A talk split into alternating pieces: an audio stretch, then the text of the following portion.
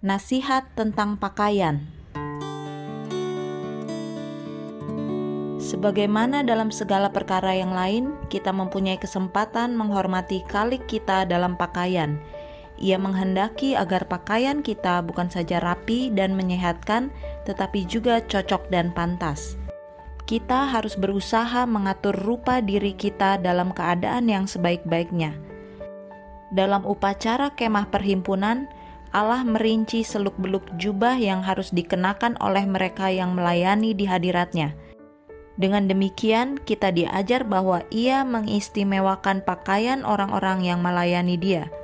Sangat tegas petunjuk-petunjuk yang diberikan mengenai jubah Harun karena jubahnya merupakan lambang. Dalam segala perkara, kita harus mewakili Dia.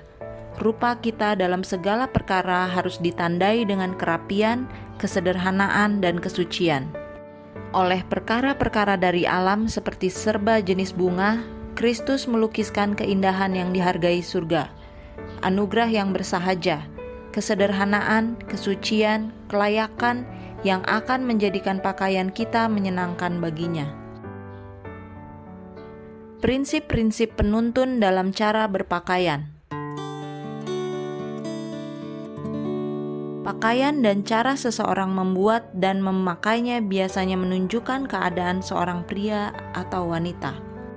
Kita menilai tabiat seseorang oleh mode pakaian yang dikenakannya. Seorang wanita yang saleh dan rendah hati akan berpakaian dengan sederhana. Cita rasa yang halus, pikiran yang terpelihara akan dinyatakan dalam pilihan pakaian yang sederhana dan pantas Seorang wanita yang sederhana dan tidak pongah dalam cara berpakaian dan dalam perilakunya menunjukkan bahwa ia mengerti bahwa nilai akhlak menjadi ciri seorang wanita sejati. Betapa manis, betapa menarik kesederhanaan dalam cara berpakaian itu yang dalam keelokannya dapat dibandingkan dengan kembang di kebun bunga.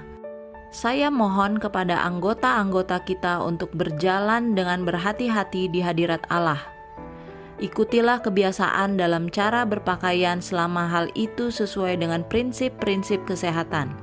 Biarlah saudari-saudari kita berpakaian sederhana sebagaimana yang dilakukan oleh orang banyak dengan menggunakan bahan yang baik dan tahan lama, cocok untuk zaman ini, dan jangan hendaknya persoalan mengenai pakaian itu memenuhi pikiran.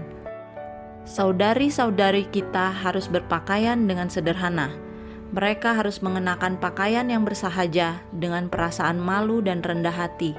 Berikanlah kepada dunia suatu gambaran yang hidup tentang perhiasan anugerah Allah di dalam batin. Kalau dunia menganjurkan suatu mode yang sopan, menyenangkan, dan menyehatkan yang sesuai dengan kitab suci, maka dengan menerima mode seperti itu, hubungan kita dengan Allah ataupun dengan dunia tidak akan berubah orang-orang Kristen harus mengikut Kristus dan menyesuaikan pakaian mereka dengan sabda Allah. Mereka harus menjauhkan keterlaluan. Mereka harus mengikuti perilaku yang jujur tanpa menghiraukan pujian ataupun kecaman dan berpaut pada yang benar karena faedahnya sendiri. Jangan menggunakan waktumu oleh berusaha mengikuti segala mode pakaian yang bodoh Berpakaianlah dengan rapi dan pantas, tetapi jangan hendaknya engkau menjadikan dirimu ejekan orang baik karena cara berpakaian yang berlebih-lebihan maupun karena cara berpakaian yang lengah dan tidak rapi. Berlakulah seolah-olah engkau mengetahui bahwa mata surga memandang kepadamu dan bahwa engkau sedang hidup di bawah persetujuan ataupun celaan Allah. Petunjuk Kitab Suci Kristus memperhatikan kegemaran pada pakaian, dan ia mengingatkan, bahkan ia memerintahkan para pengikutnya agar tidak menaruh perhatian terlalu banyak atasnya. Dan lagi, apakah sebabnya kamu menaruh khawatir tentang pakaianmu? Perhatikanlah bunga bakung di padang, bagaimana tumbuhnya, tiada ia bekerja, dan tiadalah pula ia memintal benang. Aku berkata kepadamu, Meskipun Salomo dengan segala kemuliaannya, tiada ia dihiasi seperti salah satu daripada segala kuntum bunga itu. Kesombongan dan keborosan dalam pakaian adalah dosa yang terutama cenderung dilakukan oleh kaum wanita. Sebab itu, nasihat ini ditujukan langsung kepada mereka. Emas dan mutiara atau pakaian mahal-mahal hanya sedikit nilainya bila dibandingkan dengan kelemah lembutan dan kemanisan Kristus. Perhatian saya dialihkan kepada tulisan kitab suci yang berikut ini. Kata malaikat itu, mereka harus memberikan pengajaran kepada umat Allah. 1 Timotius 2 ayat 9 dan 10. Demikian juga hendaknya perempuan, hendaklah ia berdandan dengan pantas, dengan sopan dan sederhana. Rambutnya jangan berkepang-kepang, jangan memakai emas atau mutiara ataupun pakaian yang mahal-mahal, tetapi hendaklah ia berdandan dengan perbuatan baik seperti yang layak bagi perempuan yang beribadah. 1 Petrus 3 ayat 3 sampai 5. Perhiasanmu janganlah secara lahiriah, yaitu dengan mengepang-ngepang rambut, memakai perhiasan emas atau dengan mengenakan pakaian yang indah-indah, tetapi perhiasanmu ialah manusia batiniah yang tersembunyi dengan perhiasan yang tidak binasa, yang berasal dari roh yang lemah lembut dan tentram, yang sangat berharga di mata Allah. Sebab demikianlah caranya perempuan-perempuan kudus dulu berdandan. Banyak orang beranggapan bahwa perintah ini sudah terlalu ketinggalan zaman, sehingga tidak perlu diperhatikan tetapi ia yang memberikannya kepada murid-muridnya memahami bahaya-bahaya cinta akan pakaian pada zaman kita dan mengirimkan kepada kita surat amaran. Maukah kita menghiraukan amaran itu dan menjadi bijaksana?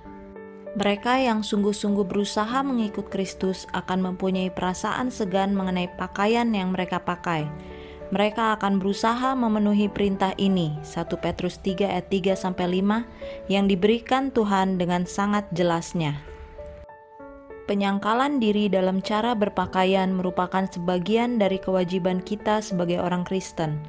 Berpakaian sederhana menjauhkan diri dari pertunjukan berjenis-jenis permata dan perhiasan sesuai benar dengan iman kita. Banyak orang memerlukan petunjuk tentang bagaimana mereka harus menampilkan diri dalam kumpulan perbaktian pada hari Sabat. Tidak layak mereka memasuki hadirat Allah dengan mengenakan pakaian yang biasa dikenakan sepanjang minggu. Semua orang harus mempunyai pakaian khusus untuk hari Sabat, untuk dikenakan bila menghadiri acara kebaktian di rumah Allah. Meskipun kita tidak boleh menyesuaikan diri dengan mode duniawi, kita tidak boleh bersikap acuh tak acuh mengenai rupa tubuh kita secara lahir. Kita harus rapi dan apik meskipun tanpa perhiasan. Anak-anak Allah harus suci di dalam dan di luar. Terutama para istri pendeta hendaklah berhati-hati agar jangan meninggalkan ajaran kitab suci yang jelas itu mengenai persoalan pakaian. Banyak orang beranggapan bahwa perintah ini sudah terlalu ketinggalan zaman sehingga tidak perlu diperhatikan tetapi ia memberikannya kepada murid-muridnya memahami bahaya-bahaya cinta akan pakaian pada zaman kita dan mengirimkan kepada kita surat amaran. Maukah kita menghiraukan amaran itu dan menjadi bijaksana? Keborosan pakaian bertambah terus-menerus. Hal ini belum berakhir. Mode selamanya berubah, dan saudari-saudari kita mengikutinya tanpa menghiraukan waktu dan biaya besar sekali jumlah uang yang dibelanjakan untuk pakaian, sedangkan uang itu harus dikembalikan kepada Allah si pemberi itu.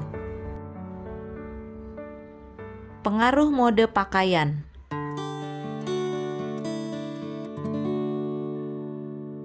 Cinta akan pakaian membahayakan akhlak dan menjadikan perempuan itu bertentangan dengan wanita Kristen yang ditandai dengan ciri-ciri kesopanan dan kesederhanaan Pakaian mewah yang sangat mencolok terlalu sering membangkitkan nafsu dalam hati pemakainya dan merangsang syahwat dalam hati orang yang melihatnya.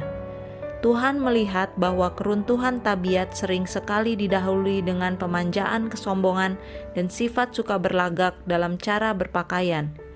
Ia melihat bahwa pakaian mewah-mewah melemaskan kerinduan untuk berbuat baik. Pakaian yang sederhana, bersahaja, dan tidak membanggakan diri akan merupakan suatu pujian pada saudari-saudariku yang muda.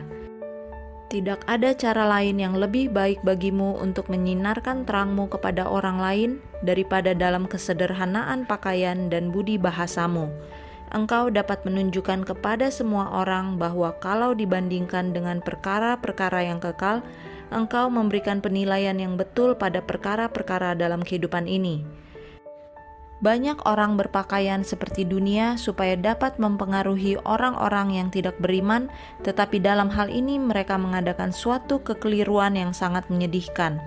Kalau mereka mau mempunyai suatu pengaruh yang benar dan menyelamatkan, biarlah mereka hidup sesuai dengan pengakuan iman mereka, menunjukkan iman mereka oleh perbuatan mereka yang benar, dan mengadakan perbedaan yang jelas sekali antara orang Kristen dan orang duniawi.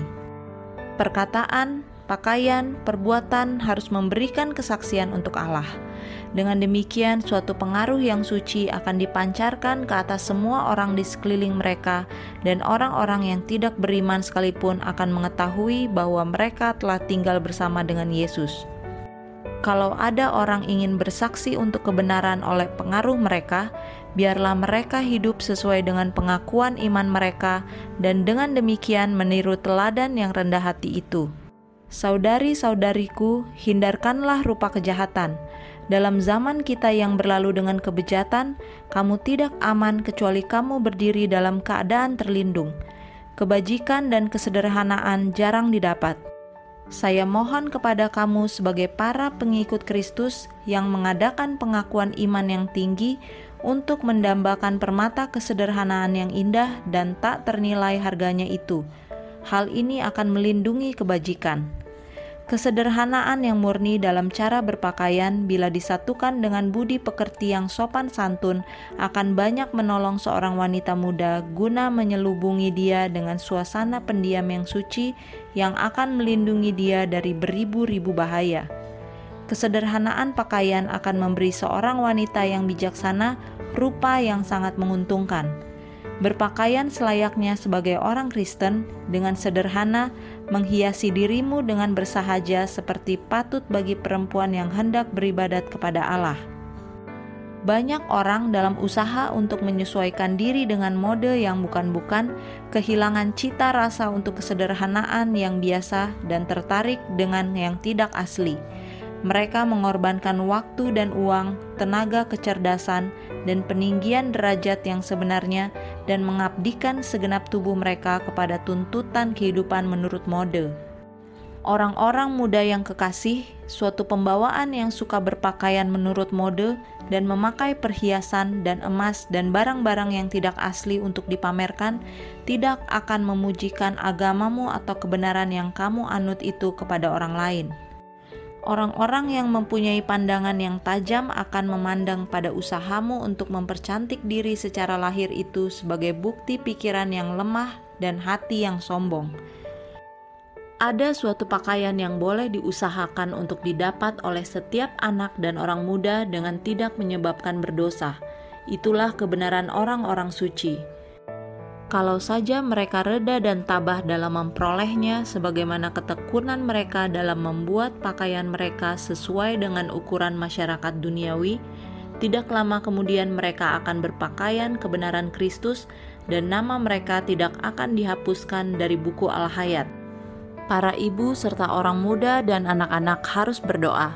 Jadikanlah hatiku tahir ya Allah, dan perbaruilah batinku dengan roh yang teguh Mazmur 51 ayat 12.